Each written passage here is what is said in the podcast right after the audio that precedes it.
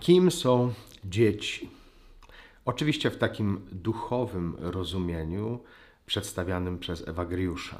Tutaj odwołuje się Ewagriusz do pierwszego listu do Koryntian, kiedy święty Paweł nazywa e, dziećmi właśnie Koryntian, że jeszcze się żywicie mlekiem, jeszcze nie umiecie przyjmować pokarmu stałego. Jesteście tylko e, tymi, e, którzy potrafią przyjmować to, co łatwe, to, co lekkie, to, co przyjemne, a nie potraficie przyjmować do swojego życia tego, co rzeczywiście jest poważne.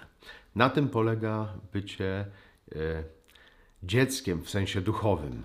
E, I oczywiście warto, żeby, tak jak też święty Paweł mówi, żeby wydorośleć, e, żeby stać się mężem, chociaż najpierw jeszcze kobietą, ale o tym w następnym odcinku.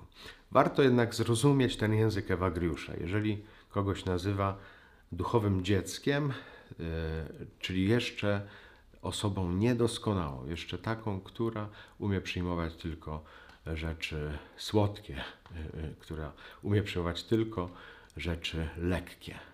Jednocześnie jest to zachęta do tego, by wydorośleć.